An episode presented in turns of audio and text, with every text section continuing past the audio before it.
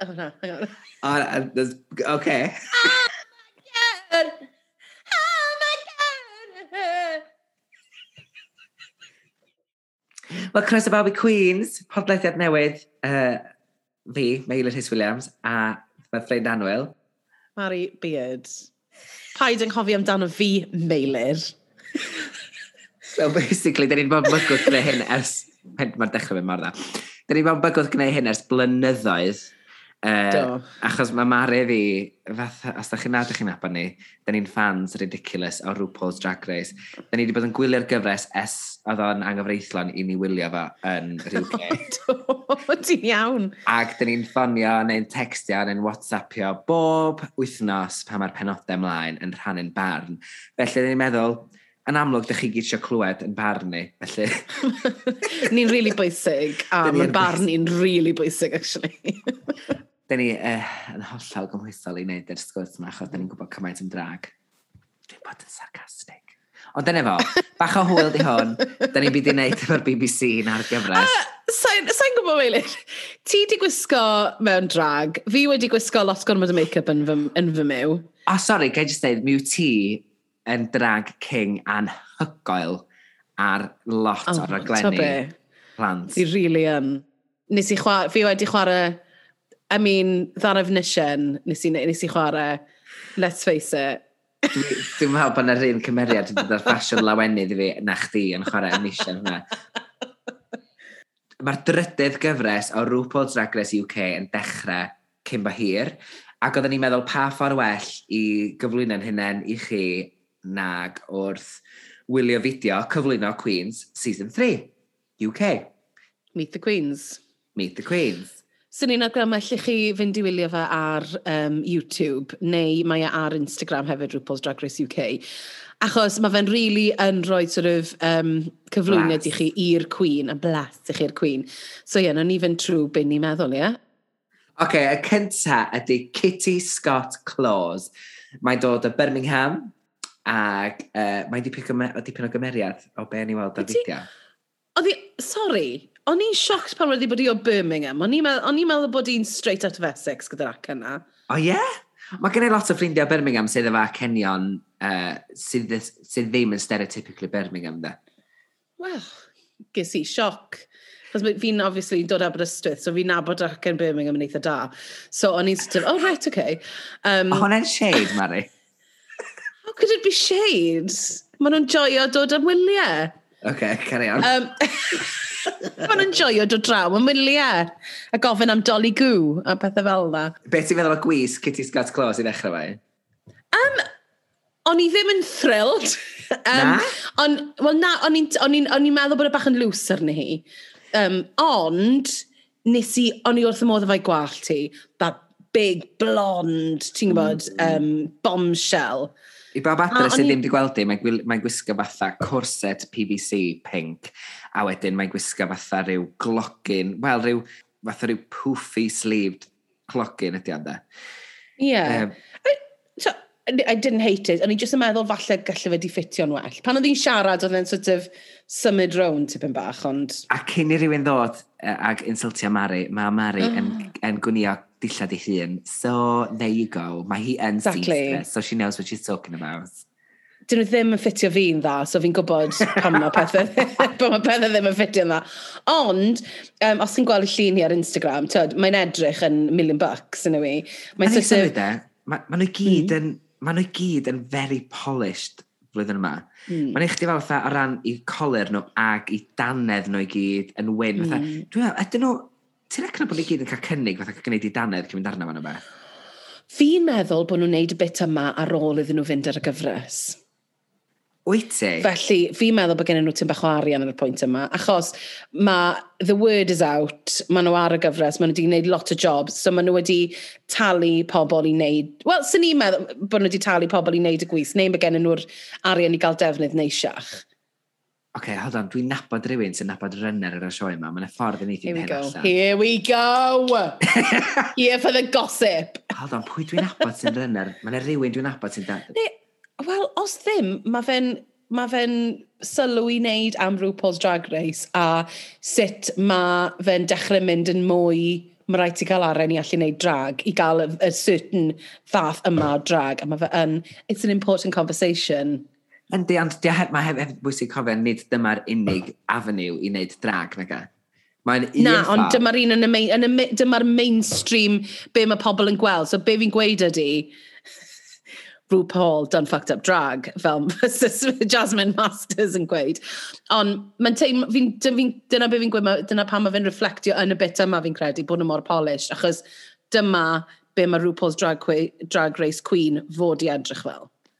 Getcha. Ond oedd gen ti tu a coffi ar gyfer y swytha, a leave that there. So, oh, um, oh, symud ymlaen. Ond, na, oh, caru tu a coffi. Un peth, un peth o'n eisiau gweud am uh, Kitty Scott Claus hefyd oedd, fi'n really gobeithio bod i'n neud Gemma Collins yn Snatch Game, because I think she would be wonderful as Gemma Collins. Ah, oh, that's an amazing bysau. Just achos, she's, gi she's giving me Gemma Collins, she's giving me Pamela Anderson. Mae'n rhoi fel yr aesthetic yna o fod yn blond, sort of bombshell, sexy, gorgeous. A ti'n meddwl ti'n bell yn y gyfres? Sa'n siŵr. Okay. Fi ddim yn gwybod, achos mae, mae personoliaeth hi'n fawr, ond hefyd, yw hwnna necessarily mynd at ti'n bell? Wel, da ni mod yn mynd ar argraffiadau cyntaf, so dwi'n dwi, meddwl mi wneud Kitty Scott Claus mynd yn bell. Dwi'n mm hynny wan. Dwi'n meddwl fydd hi'n... Wel ti'n nabod runner ar y, ar y gyfres, sy'n fi'n siŵr bod ti wedi cael y gosib i gyd yn bara fyr. Sefyd ymlaen, Charity Case, mae'n 24 mlynedd oed, y ddraig, diolch, mae wedi gwisgo fatha... Fysa, mae hwn yn un fersiwn arall o drag yn dydy, lle mae'n fwy o art mm -hmm. form, credigol, lot fwy hanaethol. So mae Charity Case wedi gwisgo fatha draig. Mae'n ddraig reit impresif chwarae teg efo'r gwaith mm. sy'n mynd fewn i'r wisg ma. Be It's sort of Barney meets Game of Thrones. Os bys y Barney yn un o'r treigiad Daenerys Targaryen. Dracarys. Dracarys. Ond, um, gallai ti gweud yr enw gorau? Charity Case. Charity Case. Mae hwnna really neu fi chwerthin. Ond mae'r outfit yma, mae rhaid... Ond beth sy'n fi ffeindio'n anodd weithio gyda outfits fel hyn ydy, dwi ti ddim yn dod i nabod y Queen yn yeah. syth. Achos oedd hi'n, mae'n, mae gyd fi wedi sgwennu am y ffordd mae'n edrych, achos bod e mor, wow, ti'n gwybod? Yeah. Um, trawiad, mae'r look yma mor drawiadol. Mae'n deud bod hi'n berson uh, anwyl o, o dan yr arwyneb uh, ferocious ma, a mm. dwi'n gobeithio gan i ddod i'n abod yr ochr neu ddi. Um, sgwni, to dan hanesyddol, mae Queens fel hyn yn gallu mynd un ffordd neu llall ar rhywbeth drag race mm -hmm. ydy o ran fatha rhai sydd ddim yn draddodiadol yn trio cyflwyno fe femininity neu yr, yr mm-hmm. illusion of, of fem. Um, be wyt ti'n meddwl, wyt ti'n meddwl eith charity case yn um, bell? Wel, mae'n anodd gweud yn ewe, fel ti'n gweud, mae hwn mor, mae hwn yn gymaint o unique look. Be ti'n gobeithio ydy bod ti'n dod â rhywbeth arall i ni, nid just cuddio tu ôl i'r prosthetics a'r make-up, sydd yn gallu gweithio'n dda, ond, ond yn y fformat yma o'r um, uh, competition, mae angen iddi newid hynna. So, gyn ni weld. Gyn ni weld. Uh, dwi'n meddwl gwneud charity case. Oh, dwi'n gobeithio, mae'n ma mor impresif ar ran i'w chredigrwydd ei, so dwi'n gobeithio mm. wneud hynny gadw hi fynd. Mae'n ifanc, dy 24, so dwi'n gwybod. Mm. Gwneud fel. Mlaen mm. ni, Scarlett Harlett. Gwneud fel sut mae, o oh, ie, yeah. Scarlett Harlett efo'r wisg reit uh, frenhinol yma, uh, yeah. mae gwallt hi'n reit impresif dydy, ac eto'r croen a'r danedd fwy o oh, mae'n beautiful. Ma. Fi eisiau gwybod beth yw'r reference um, i'r uh, wisg yma, achos mae be fi'n really, be nes i fwynhau yn y gyfres diwethaf gyda Bim Bimini Bombula, mae hon yn remeindio fi tyn bach o, oedd um, pan oedd hi'n gwneud y Meet the Queens look, oedd gen i hi bron am bod sort of uh, Marie Antoinette look, and I got it straight away. Gyda hwn, fi ddim quite yn siŵr beth yw'r reference, and ni'n licio gwybod mwy amdano fe. My, my different, the House of Targaryen and Game of Thrones generally is a huge source of inspiration for me. Nes oh. i'n cael hynna? o, oh, reit. o gwbl, mae'r lliw glas... O'n i'n meddwl bod yn mwy hanesyddol, ond na. Mae'n lot I mean... fwy diweddar na, na, na ffasiwn um, Game of hmm. Thrones, mm. ydy. Sy'n ei ddebag ffasio Game of Thrones a lot hun. Cytuno. Wel, ma, a mae'r gwallt yna, mae'r wig yn... Oh my gosh, mae fe'n insane. Mae fe'n... Mae'r fe ma gwaith sydd wedi cael ei roi mewn i wneud hwnna yn... Mae fe'n amazing, fi'n credu. Wig a mae'n edrych yn amazing. Wig buys Paris. Yeah. Wig buys Paris? Wig buys Paris. Ond Wigs, anyway. pies, par, pies, pies. Ond nes i, nes i fwynhau hi, oedd hi'n iawn. Oedd hi, fi'n meddwl oedd hi, oedd hi bach yn rhy excited falle wedi cael gormod o goffi achos nath hi gyfarth ar un pwynt. O'n i fel, oh. oce, okay, mae yna gyfarth yn digwydd nawr. So, fi'n meddwl bod hi'n eitha uh, bouncy a eitha fel excited i fod na. Sydd yn good, is always a good thing. Just bod hi'n gobeithio, just gobeithio bod hi ddim yn mynd yn or excited, fe. Mae'n deud, mae di hyfforddi fel actores. Mm -hmm Uh, mae di bod mewn nifer o ffilms fatha Rocket Man, a dwi'n cofio pan arall oedd i ddweud. Um, uh, so, ab fab. Ab fab, na chdi. So mae'n amlwg di cael profiad o flaen, fod o flaen camera, mae'n gwybod sut mae perfformio, ond wrth gwrs, da ni'n gwybod o, yn hanesyddol ar Drag Race, dydy cyflwyno cymeriad drwy'r gyfres ddim yn dyna iawn. Ydy. Felly mm. gobeithio wnaeth i ddangos fwy o hi hun yn de. Wel, ia, ynddo. Ymlaen ar i, i Vanity Milan. Sef... O oh, ie, yeah, mae Vanity Milan Obsessed. yn 29, cyflwyno hyn fel Silent but Deadly, Ratchet ond Classic, a dim ond di bod yn gwneud drag ers blwyddyn. Mm, sydd yn amazing pan ti'n gweld y make-up yna a'r gwallt yna. Achos fi'n meddwl bod popeth... Mae popeth mae'n edrych yn spot on. Okay. Um, mae Lliw y Ffrog yn amazing. It's giving me pageant. It's giving, it's giving me, me Shirley Bassey. It's given me Shirley Bassey meets Bianca Del Rio. Yeah. Absolutely. Er, er, um, plu, y plud, ia, plud yn yna. Mm -hmm. um, gosh, yndi, mae'n very impressive. Ac mm. -hmm. ti'n cael teimlad o gymeriad hon yn mm-hmm. syth, mm. -hmm. dwi'n cymeriad uh, Vanity Milan. Uh, mae'n hyderus iawn, a mae'n debyg yn gallu dawnsio'n anhygol o dda. Mm. Mae'n lot a o bobl sy'n gallu dawnsio'r gyfres lenni. Oes, fi'n gwybod. So, gobeithio bydd y lip sync yn fwy impressive. Gobeithio, ie, wel, so ti'n gobeithio. Ond nes i meddwl bod hi'n really funny hefyd, chos di weld, yeah, silent but deadly, nes i weld, I'm like a fart, silent but deadly. Oedd hwnna neu fi chwerthin. Uh, a mae hefyd yn disgrifio hi'n fel sugar spice and everything nice, so gobeithio wneud i ddod â yes. falle bach o dan i'r... Uh, ir, um... yeah. Beth yw competition yn, yn Gymraeg? Gystadleuaeth. Gystadleuaeth. Sorry, cadw... Mlaen yeah, Cadw anghofio sut i siarad. Reit. Oh, person... A hefyd, sorry, gai just gweud, fi'n berson sydd yn really weird. Os fi'n really mwynhau rhywbeth, yn enwedig gyda RuPaul's Drag Race, fi'n cael instant goosebumps. Ooh. A mae'n really odd, a ges i goosebumps yn gwylio hon. So fi'n really licio hi, fi'n credu. Nifer. Fi'n meddwl, fi meddwl oedd hi'n bell. So, mae'n rhaid ni iwsio hwnna fath o'r yw ffôn fesur ar, ar, ar, y podcast ma. Os ges di groen gwydd Mari. Mm. A ges ti groen gwydd Mari. Oedd hwn well, yn groen gwydd CGM. Oedd hwn yn CGM? Oedd. Oedd hwn yn famen CGM. Fel arfer lip syncs, mae CGMs yn yeah. uh, full force. So, yeah. Dwi'n edrych ymlaen i glywed beth ti'n feddwl ar nesaf yma. Choritho May. Mae'n dod â Sbaen, ond yn byw yn New, uh, Newcastle. Be ti'n well, meddwl so, fi ddim yn fi ddim yn gweud. Fi'n cysau y gwallt. Fi'n cysau y make-up. Fi'n cysau yr outfit. Achos... Mae hyd wig na, mae'n eich help. Mae'n edrych bod i'n ddim yn dargem. Fatha mae'n edrych bod mae'n cwrier newydd wedi godi hi ar motorbike. I fynd rown motorbike, ar motorbike, i fynd rown Llundain a mae'n cael o A to B yn sydyn. Ac mae'r ma, ma, dreifar di deithi'r rho am dy ben. A'r ho'r jacket, mae'r leder yma ymlaen. O, a hefyd o'r gogl sy'n smydjo ym make-up ti. Yeah. Ma, ma, fi just, fi just, fi'n fi, fi cysau'r outfit hefyd, achos fi'n deall beth mae'n neud, mae'n mae homage i'w, um, twyd, i Spanish, mae gen i hi fel y flamenco dress, a mae gen i hi bron y matador jacket yna, sydd yn lime green, ond mae o'n swampio hi. Fi just ddim yn cweit yn di, fi ddim yn meddwl bod y look yn, fi ddim yn gweld y weledigeth, right. ond fi'n meddwl bydd hi yn good value. Dwi'n meddwl bydd hi'n funny. I, I mean, nath i wneud, my favourite pan nath i wneud um, y quote yna, I'd rather be dead than be basic, nath i wedi yn Sbeineg. A yeah. hwnna really neu fi chwerthin. Ti eisiau fi dweud rhywbeth sy'n wedi bod yn reit controversial, a nawn ni ddim neu habit o hyn oh. o gymharu un queen i queen arall sydd wedi bod ar y gyfres. O, oh, fi'n gwybod yn union beth ti'n mynd i weid. Gwan, deud pwy ti'n mynd i ddeud? Ma, beth enw i? Madam... Na. Beth oedd enw i?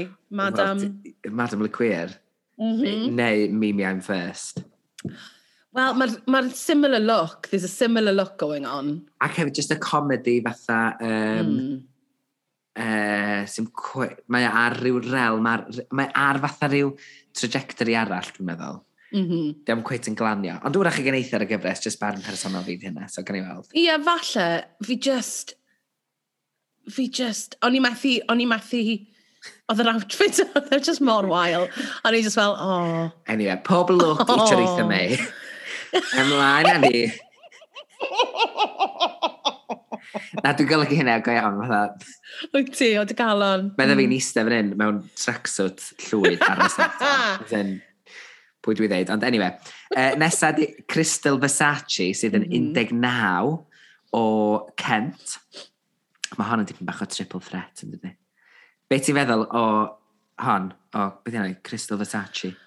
Mae'n edrych yn amazing. Ynddi. There, there is no denying bod i make-up hi yn amazing, mae gwallt hi'n amazing, mae'r outfit mae'n gwisgo, mae'n gwisgo um, sort of tŵl oren amazing sy'n just yn cascadio lawr a sort of edrych ar y sgidiau yna. Mae'n mae edrych yn amazing, ond un peth na i weid, so mae'n 19 Yeah. So, mae ddim wedi bod yn gwneud drag am yn hir iawn. Mae, mae wedi gweud bod wedi bod yn gwisgo make-up ers bod hi'n ddeuddeg mlynedd oed. Ond, i fi yn bersonol, mae yna fwy i drag na make-up. Mae yna fwy i drag na beth wyt ti'n gwisgo. A dwi'n teimlo bod hi a rhywun arall yn ei siarad am um, hwyrach mlaen. Um, fi'n credu bod yr... Uh, lack o um, brofiad o wneud a perfformio mewn drag yn mynd i ddangos gyda hon. Achos Mae ma rhywun sy'n gweud, I'm going to get on that stage and I'm going to break the legs. I'm like, fi ddim really'n poeni am hwnna. Fi eisiau ti wei, dangos hwnna i fi. Sy'n rhaid ti weithio fi in advance. Difyr. Difyr. So ti'n...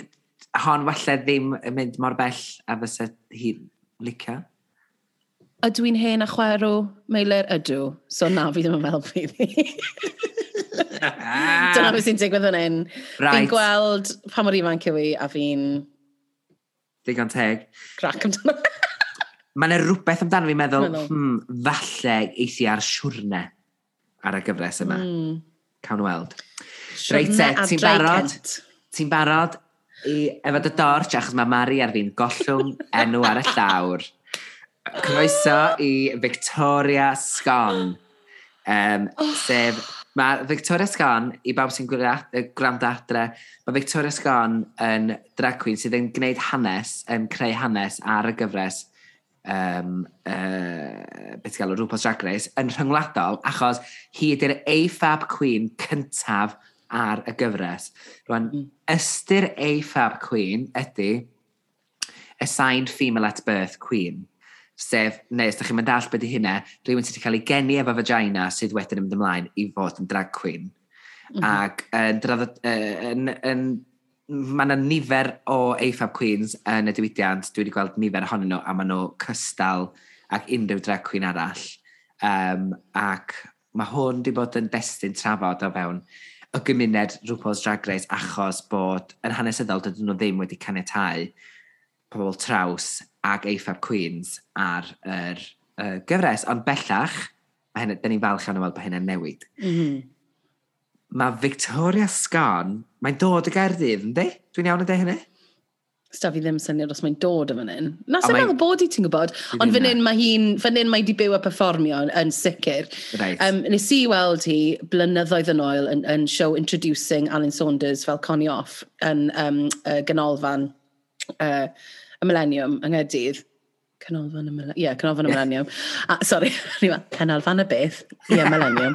um, a dwi'n cofio gweld i a meddwl, gosh, mae hi'n seren, ti'n modd? Yeah. Hmm. A ers hynny, mae wedi bod yn performio yn lot o, o clwbs rwy'n cydydd gan gynnwys Marys. A dwi, mae'n amazing, ti'n gwybod? Mae'n mae gallu canu, mae'n gallu dawnsio, mae'n hilarious. Um, fi obviously moyn hi ennill. Ond beth sy'n ddiddorol oedd beth o ti'n sôn am y drafodaeth sydd wedi cael ei, sydd wedi digwydd rownd uh, fandom um, RuPaul's Drag Race. A beth sydd wedi digwydd, uh, beth sydd wedi dod yn amlwg yw lot o misogyny o fewn yr, um, uh, y gymuned. Achos mae yna lot o bobl yn sort of Hefyd, mae'n a lot o jokes sydd wedi bod ar Drag Race wedi bod yn, yn misogynist yn, yn y gorffennol. The, the smelly fanny, the fishy, the all of that kind of stuff. Mae yn gallu bod yn problematic. So mae cael rhywun um, Queen AFAB sy'n mynd i ddod ar y rhaglen, fi'n gobeithio yn mynd i wneud pobl i feddwl tyn bach mwy, a meddwl falle tu allan y box, a meddwl am beth yw drag, a beth mae drag actually'n golygu, a, be, a beth mae fy wneud i um, y gymuned ac i... Hefyd i beidio cymryd y mor siflip serious.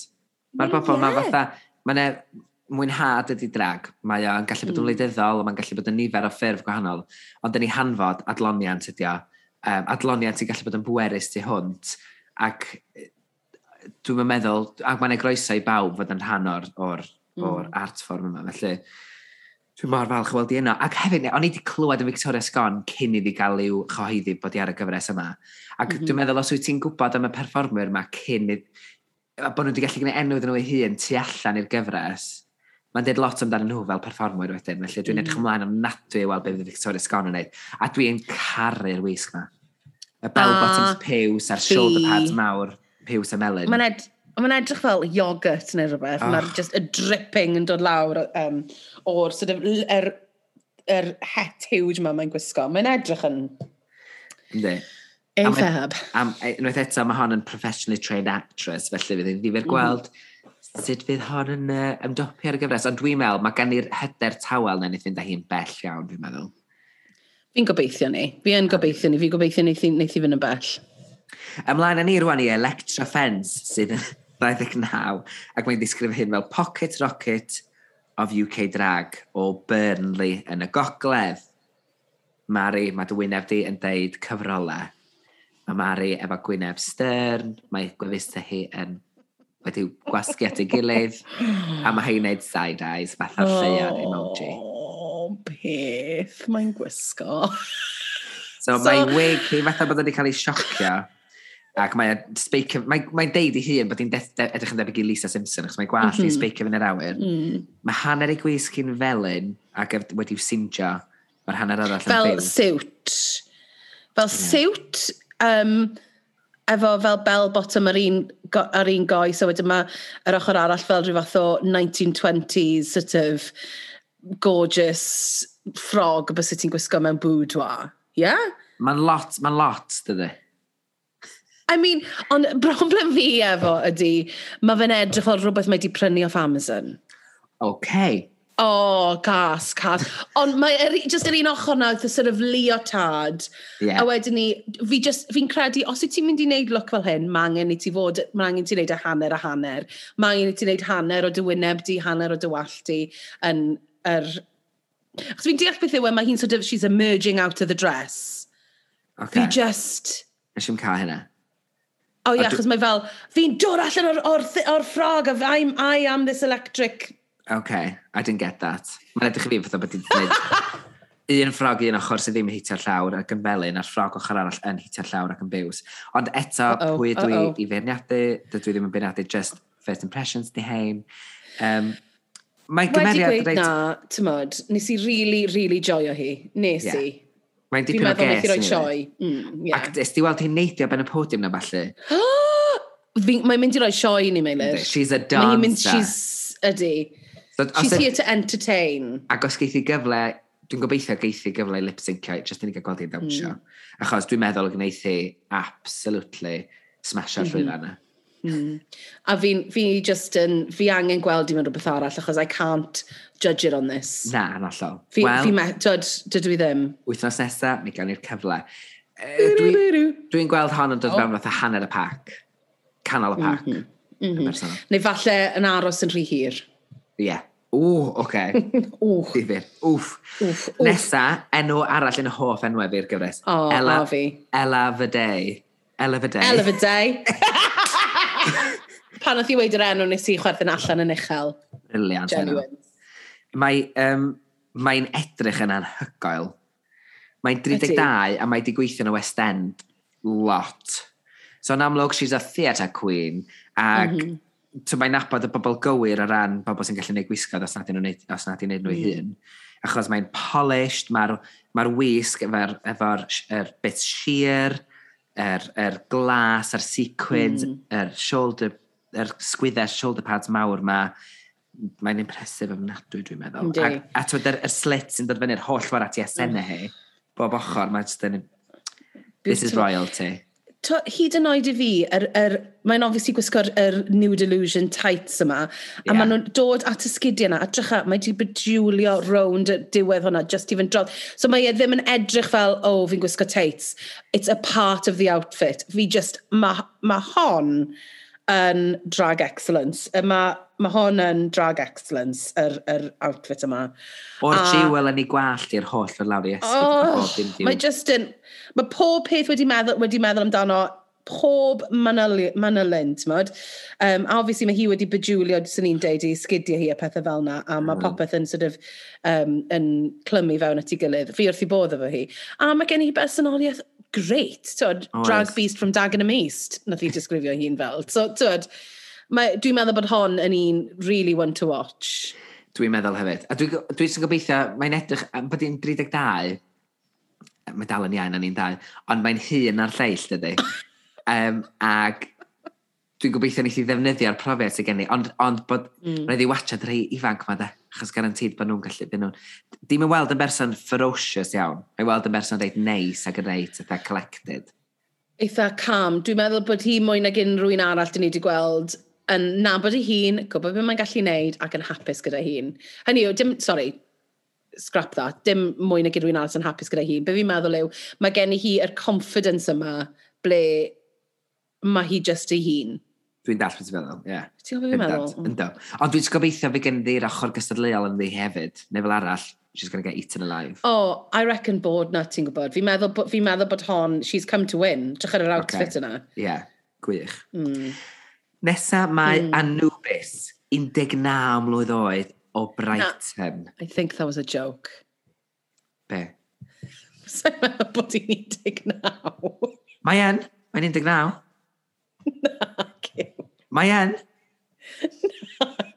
Ond mae'n deud, mae'n deud yn ei uh, introduction bod neb yn coelio bod 19 achos bod hi fatha hen ddynes mewn corff dynes iau. Neu corff drag queen iau. Be? Mae'n y peth a Joe Black, dydy, a ddim ni'n coelio bod Joe Black neu geiniau cynnar, mi oedd o. O, fi dal ddim yn credu hwnna, sori. fi ddim yn credu fod hon yn 19. Does ar Age Instagram? 20. Na! Yep. Anubis. Told ya. Gagged, absolutely gagged. Ond os ni'n sbio ar looks eraill ar Instagram, ti yn gweld bod i'n edrych yn iau na beth. Okay. O, oh, yeah, ca sorry, cario on gyda'r introduction, o'n i fel, ti'n meddwl mae joke, oh, na, dim joke. Dim, neu dim yn joke. So oh, mae nhw beth di gwisgo mewn fatha... Oh, mewn um, uh, top heb... Beth sy'n gael hwn? Mae'n fatha booster. So beth sy'n galw hwn? Beth sy'n galw hwn yn rhywbeth sy'n ti'n gweld mewn panto? Oof, panto. Um, yr... Er, er, uh, panto futuristic Fi, I don't hate it, to get no, notice wein ar dechrau. Na. Fi ddim yn cysau y look yma, fi'n licio y boots mae hi'n gwisgo, ond mae'r ffrog yn, yn reminiscent o sort of... Gwan, dweud Panto Dame, ond... Ond mae'n iawn sef wedi bod yn Panto pantodame, oh. Yr unig beth sy'n ei ddeud, um, dwi'n eisiau bod, dwi misio bod yn, yn gas, achos pwy dwi mm. eto, pwy dwi i ddeud wrth y person yma mm. um, i drag nhw. Mm. Um, yr unig beth sy'n ei ddeud ydy, y rheswm dwi ddim yn taro deuddeg i fi ydy, dwi ddim yn cael... Mae'r ma, menig efo'r efo er talent mm yn allan nhw a'r weg fwy medusa mm -hmm. i mhm. yn, mm -hmm. yn rhoi un peth i fi, a mae'r ffrog yn rhoi pant o deim i fi. Felly dwi'n cael dau fersiwn o gymeriad fan hyn. Dyna'r unig beth swn i ddeud. Ti'n gwybod pwy yw hon? Na. Hon yw'r ferch sy'n neud firepoi yn Boomtown Festival hon o fach sy'n mynd i festivals ac yn gwisgo lan fel hyn, like, yeah. she is, she is, pan, o'n i'n gwybod bod ni'n dod o Brighton cyn, ddi, cyn iddyn ni'n weid bod yeah. ni'n dod o Brighton. Yeah, bendant. So, fi'n fi di, fi deall y look yma. Fi'n fi di gweld y look yma yn Green Man. Fi di gweld y look yma yn, yn Glastonbury, ti'n gwybod? So, mae'r festival sort of hynod o Brydeinig, actually, y, y, y look yma So, I get it, ond fi'n deall beth ti'n gweud. Mae ma, ma yna deimlad o... Dwi e, e ddim cweit yn... Dwi e ddim cweit yn elevated i bwynt ble fi'n deall beth mae'n trio gweud wrtho fi. Exactly that. Mm -hmm. Dyna'n union ydy o. Achos mae mhm. choler hi ar weg a falle yn anhygoel. Mm -hmm. um, Indeed. ac dwi'n siŵr wneud i brofi'n un anghywir. Mae rhaid i weid, mae'n edrych yn hollol wahanol i bawb arall. Yndi, yn hollol. Ar wahan i um, um, um, scroll, scroll, scroll, charity case. Ie, yeah, bendant. Mm, hefyd yn sefyll allan. Ymlaen â ni i'r penultimate queen, sef River Medway. 22 mlynedd oed o Kent. Um, be ti feddwl o'r wisg i ddechrau? Mae fatha rhyw uh, gwas a neidr, tylwyth teg, mm. draig, oh, ethereal. Dwi'n caru'r ma, wisg ma. Mae'n mae yn, mae yn edrych yn ddrud, mae yn ah. edrych yn um, luxurious, ah. mae'r gwallt yna'n beautiful sydd yn really clymu, clymu popeth at ei gilydd. Mae hyd yn oed ysgidiau. Oh, mae'n peacock i kingfisher. Mm. A mae siap y ffrog. Dwi'n meddwl bod hi'n gorgeous. Mm. O'r, or bust siap calon, dod yeah. fewn, a wedyn y fishtail finish ar y gwylod. Oh, mm -hmm. caru fa, A pan oedd hi'n pan oedd hi'n symud, oedd yr y, y denydd mawr yma'n symud gyda hi, ti'n modd? Oedd hi'n edrych fel diwies, ti'n modd? A mae'r colir yn wych, a fel ti'n dweud, y mm. gwallt mm. hefyd, yr ddau streip glas a piws yn y gwallt hefyd. Mm. Drag excellence llongychiadau. Drag, ex drag excellence. Drag excellence yw hwnna. Actually, ond Oh. Nawr, dyma'r cwyn arall y Cent. A fi'n meddwl bod hi yr un peth a Crystal Versace. Sa'n gwybod, mae'r ma, ddwy ohonyn yn gweud there isn't a big drag scene in Kent. Sydd yn neud i fi feddwl bod, hwn, i, bod nhw'n eitha... Big fish, good small pond. Looks. Oh, Wel, okay. Llai na hynna, does y ddim, does y ddim lle iddyn nhw performio. Sy'n lle iddyn nhw i, i, i twyd, um, to hone their craft mewn ffordd. Okay. So fi'n fi, fi, fi, fi edrych mlaen i weld sut maen nhw'n copio gyda pethau fel ti'n gwybod, gorfod siarad, um, actio, all of that kind of stuff. Fi'n edrych mlaen i weld sut maen nhw'n copio, achos fi ddim yn siŵr os maen nhw wedi cael yr, um, y profiad yna. Difyr mae yna ma rhywbeth i weid hefyd am Instagram a sut mae lot o, o um, frennes y drag ar Instagram a maen nhw'n rhoi, maen nhw'n edrych yn beautiful a wedyn pan mae'n dod i performio, dyn nhw ddim yn gallu neud e. Dyn ni wedi gweld hwnna'n y cyfresu American. Yndi. Yeah. Ydy, mae'n mae fath gwahanol o drag, ti'n hollol iawn. Ond yn y gysyll le, leiaeth yma fi'n fi, sôn am, dim just drag in general. Just, yeah. um, uh, dwi'm yn gwybod digon am y river meadow yma eto. Dwi'm yn teimlo fatha bod fi wedi gweld digon ohoni. Alla rhaid mm -hmm. uh, beirniadaeth yn eto. O, ddim beirniadaeth, o i allu rhoi fy, fy, fy rhagdybiaeth o lle mae'n di wneud. Ie. Mhm, mhm. Ta waith, ymlaen ni i'r Cwyn olaf ac dyn ni'n nabod y Cwyn yma season 2 nath i orfod gadael y gystadleuaeth oherwydd mi gafodd hi Covid. Covid-19. Uh, e, sef Veronica Green ac hoff cwt fi gan hyd. Pan maen nhw'n gofyn ni, ddisgrifio i drag mewn tri gair a mae'n dweud Gollum to Gorgeous. O, beth ddeth ti feddwl o Veronica yn y gyfres gyntaf? Um, nes i licio hi lot, o'n i'n meddwl bod hi yn, yn hynod o dylentog. Teimlo weithio bod ni'n gallu bod yn eitha spiky gyda'r Queens eraill a gallu bod weithio bod nor o'r sensitif. So, um, achos oedd hi, yna lot o drama efo hi yn doedd. Dwi'n cytuno fo chdi, o'n i'n licio hi'n ofnadwy, mae dylentog ofnadwy. Dwi ddim yn gwybod os ydy hi'n gweld ei hun fel mae pawb arall yn ei gweld hi. Mm. Dyna un peth os ydy'n ei ddeud. Ac dwi wedi dweud o, dwi'n meddwl na hwn ydy'r er wisg, dwi y lleia ffond ohono fo o'r holl Queens yn y fideos yma. Ond, mm. tad, mae wedi bod yn pandemig, dyn y bobl yma wedi bod yn gallu gweithio, so pwy dwi ddeud, ond jyst yr mm. rhaid fy mar yn hollol arwynebol ydw i o ran y fideos yma. Syn ni'n ni tybio mae hi sydd wedi gwneud y ffrog yma hefyd, achos dwi'n cofio yn really? y gyfestrathau, hi, hi, ti'n cofio'r er, er runway Medusa amazing na nath hi? Hi nath wneud hwnna i hi, nes i weld fideo hwnna hi'n hi wneud e. Right. So, syn ni'n tybio mae hi sydd wedi wneud y ffrog, wedi gweud hynny, fi ddim yn hoffi'r ffrog fy hun, fi ddim yn meddwl, fi'n fi meddwl, be? Dwi'n newydd feddwl, di hon cael at amser i baratoi, mae siŵr na dda ers diwedd yr un cyntaf na dda. Do. Do? Do, mae'n rhaid... bys yna wedi gweud wrth i'n sydd, gwrando, ti'n methu dod arno, ond geid di ddod nôl cyfres nesaf. Chos yna weid hwnna ar, ar, ar, ar y gyfres dreffa? Dyma ni. Oh my god, so mis mawrth nath hwn ddod allan, sy'n golygu oedden nhw'n ffilmio fo hydref flwyddyn dwytha. So mae wedi cael chwe mis. Dio ddim yn lot amser i baratoi. Um, os, os ti'n newydd wario miloedd ar... Oce, okay, na, ti'n iawn, fair enough, fair enough. Ac wedyn ti'n gorau cael, ti cael wardrobe newydd sbon. Sorry, nes i, o'n i'n cael deall beth ti'n gweud. Na, fi'n fi gytuno dy ti. So Achos ti'n methu gwisgo'r un peth i ti. Na, sy'n rhaid ti ddod â wardrobe mm. newydd sbon efo chdi, mysa. Mae'n anodd yn niwe. Achos o fewn context RuPaul's Drag Race, hwn ydy'r hwn ydy'r un gwana. Ond fel ti'n gweud, mae angen i ni feddwl falle tu allan yn box gyda, gyda drag queens um, sydd wedi bod trwy pandemig, sydd wedi bod yn y cyfres diwethaf wedi gwario gymaint o arian a nawr yn gorfod wneud rhywun peth eto. Fi'n cytuno. Yeah. Mm, difyr. Wel, dyna ni wedi cyfarfod y Queens. Mi fydd y benod gyntaf yeah. allan wythnos nesaf. Neu wythnos oh yma, pe bynnag, da ni'n rhyddhau hon. Uh, ac mi fyddwn ni yn gwneud adolygiad hanner awr o bob penod yn wythnosol just ar gyfer ein adloniant ni. ac os ydych chi eisiau gwrando ac ymuno yn y sgwrs efo ni, yna please gnewch, achos Dyn ni'n yeah. hwn fatha adloniant pyr. Ac fel o'n i'n dweud ar y dechrau, dydy'r podlediad yma yn ddim byd i wneud efo'r BBC, Wow Presents, na unrhyw beth i wneud ar gyfres. Dyn ni'n wneud ar gyfer adloniant pyr, ac dyn ni ddim yn berch yn hawfraint i unrhyw uh, aspect o'r gyfres. So dyna hyn ydy cyfres. Eidiwch siwio ni, please. Yeah, a gofyn i rywun ddod ar yn holen ni. A dyna ni, dwi'n meddwl ynddo, felly tan y benod gynta. Hwyl ti, Queen! Hwyl. royalty queen.